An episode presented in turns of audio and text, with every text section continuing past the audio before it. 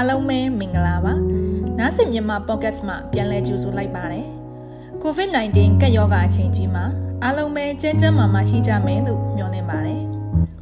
နားဆင်မြန်မာ podcast နားဆင်သူတွေ stay at home ကာလကြီးမှာပြည့်နေကြပြီလားဒါမှမဟုတ် work from home နဲ့ထိုင်ရမထအလုပ်တွေရှုပ်နေကြတာလားမကြည့်ရသေးတဲ့ရုပ်ရှင်တွေမဖတ်ရသေးတဲ့စာအုပ်တွေကိုအတိုးနဲ့ကြည့်ပြီးဖတ်ပြီးကြပြီလား မိကတော့ငငယ်ကလေးကဖတ်ခဲ့ကြိုက်ခဲ့ရတဲ့စာအုပ်တအုပ်ကိုခုတလောပြန်ဖတ်ဖြစ်နေပါတယ်။အဲဒီစာအုပ်အကြောင်းလေးကိုနားဆင်မြန်မာ podcast နားဆင်သူတွေကိုအမီလေးပြောပြချင်ပါတယ်။စာအုပ်ကတော့ဆရာကြီးထောက်တာဦးမြင့်ဆွေရဲ့မှတ်မိသေးတဲ့ဂျပန်ခေတ်စေယုံကြီးဝဲပါ။1969မှာပထမဦးဆုံးပုံနှိပ်ထုတ်ဝေခဲ့ပြီး1969အမျိုးသားစာပေစုဒုတိယဆုရရှိခဲ့တဲ့စာအုပ်ပါ။ စာအုပ်ကတော့ဂျပန်ခေတ်စေယုံကြီးမှာဆရာကြီးဒေါက်တာမြင့်ဆွေကြုံတွေ့ခဲ့ရတဲ့ကိုတွေ့အဖြစ်အပျက်အကြောင်းအရာတွေကိုရေးဖွဲ့ထားတာပါ1942ဆရာကြီးဒေါက်တာဦးမြင့်ဆွေစေချောင်းပြီးသွားပေမဲ့လည်းစစ်ကြီးဖြစ်လာတော့စာမေးပွဲမဖြေလိုက်ရပဲရောင်နေလေဖြစ်နေတာကနေဆရာကြီးဒေါက်တာဥပဒန်နဲ့တွေ့ဆရာကြီးခေါ်လို့ဂျပန်ခေတ်စေယုံကြီးမှာအလုံးလုံးဖြစ်ရင်းကနေစပါတယ် 1945ရန်ကုန်ပြည်သူ့စေယုံကြီးကိုပြောင်းသွားတဲ့အချိန်အထိကြုံတွေ့ခဲ့ရတဲ့လူလောကဇက်ခုံဖုံဖုံကိုကြည်နူးစရာစိတ်ဝင်စားစရာမှတ်သားစရာချီကျူးအတူယူစရာလွမ်းဆွကြေကွဲစရာအသက်ထိတ်စရာရေးဖွဲ့ထားတာပါစေယုံကြီးဖွင့်စာဆရာဝန်ဆရာမလူဦးရေနေတဲ့အချိန်ဆေးနဲ့ဆေးပစ္စည်းတွေမစုံလင်တဲ့အချိန်အောက်ခြေကနေအားလုံးအတူတူပါဝင်လှုပ်ဆောင်ခဲ့ကြတာတွေကိုမှတ်သားရပါတယ်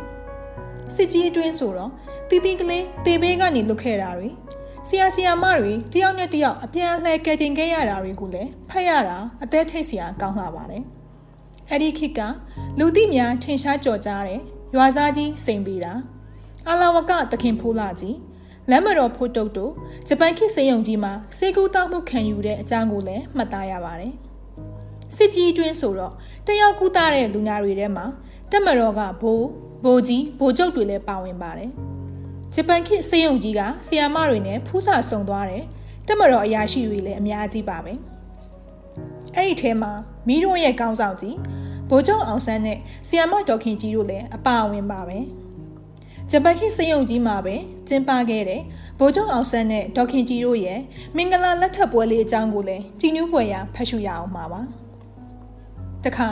ဒီလိုဂျပန်ခေတ်ကြီးမှာပဲအခက်အခဲမျိုးစုံကြားကနေစေတက်ကတိုးကိုရအောင်ပြန်လည်ဖွင့်လှစ်ခဲ့တဲ့ဆရာကြီးဒေါက်တာဥပဒန်နဲ့ဆရာဆရာမတွေရဲ့ဇွဲနဲ့စ조사မှုတွေကိုလည်းလေးစားအတူယူရပြန်ပါတယ်။ဒါရင်မကသေးပါဘူး။အမှုပညာပေစာမခေတဲ့ဆရာကြီးဒေါက်တာဥပဒန်ဒေါက်တာမြင့်ဆွေနဲ့တခြားဆရာဝန်ဆရာမတွေရဲ့အခါအားလျော်စွာကြားရတဲ့စန္ဒီယာတန်ပတလာတန်တယောတန်တချင်းဆိုတန်တွေကလည်းဂျပန်ခေတ်စေယုံကြီးအတွင်းမှာရှိတယ်။ ဆရာဝန်ဆရာမလူနာတို့ကို အခိုက်အတန့်စိတ်ချမ်းသာစေမှာအမှန်ပါပဲ COVID-19 ဆိုတာကလည်းတကမ္ဘာလုံးကအတူတူဝိုင်းဝန်းတိုက်ထုတ်နေရလို့ကမ္ဘာစစ်နဲ့အလားတရန်တူတယ်လို့ပြောနိုင်ပါတယ်။ဒါကြောင့်ဒုတိယကမ္ဘာစစ်ကြီးအတွင်းမှာဂျပန်ခေတ်စေယုံကြီးကိုဘယ်လိုပဲပုံတုံညကနေစတင်ထူထောင်ပြီးပြည်သူတွေအားထားရတဲ့စေယုံကြီးတစ်ခုဖြစ်လာတာစေချောင်းသားတွေဆက်လက်မွေးထုတ်နိုင်တာ။ အခက်အခဲအကြက်တဲတွေကြားကနေဆရာဝန်တွေသူနာပြုဆရာမကြီးတွေကွန်ပေါင်ဒါတွေကအစဟိုးအောက်ခြေတန်ရှင်းရေးဝန်ထမ်းတွေအထိ team work ကောင်းကောင်းနဲ့ပြဿနာပေါင်းစုံကိုအတူတူဖြေရှင်းတိုက်ထုတ်ခဲ့တာတွေကိုမှတ်သားရပါတယ်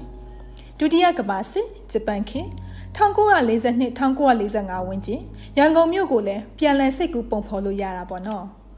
မိကတော့ stay at home အချိန်ကာလမှာကိုဖတ်ခဲ့တဲ့စာအုပ်မှတ်မိသေးတဲ့ဂျပန်ခေတ်စေယုံကြီးဝဲကိုအမိသဘောလေးပြောပြထားတာပါ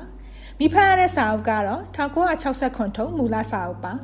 2014မှာသရုပ်ထအကြိမ်အထိပုံနှိပ်ထုတ်ဝေထားပြီးပါပြီမီဒီယာလောက်ကတော့မြန်မာတက် book center မှာဝယ်လို့ရပါတယ်နားဆင်မြန်မာ podcast နားထောင်သူတို့ရော state at home ကာလမှာဘလို့စာအုပ်တွေဖတ်ဖြစ်ကြလဲမိလိုမျိုးကိုရမ်းကြိုက်တဲ့စာအုပ်ကိုထက်ခါထက်ခါဖတ်ဖြစ်ကြတာလားဒါမှမဟုတ်ဘာတွေလုပ်ဖြစ်ကြလဲပြောပြပေးပါဦးနော် နောက်ပတ်မှာလည်းစိတ်ဝင်စားစရာအစီအစဉ်တွေနဲ့ပြန်လာခဲ့မှာမို့နားဆင်မြန်မာ podcast ကို like and subscribe လုပ်ပေးပါဦးနော်အားလုံးပဲ stay safe and healthy bye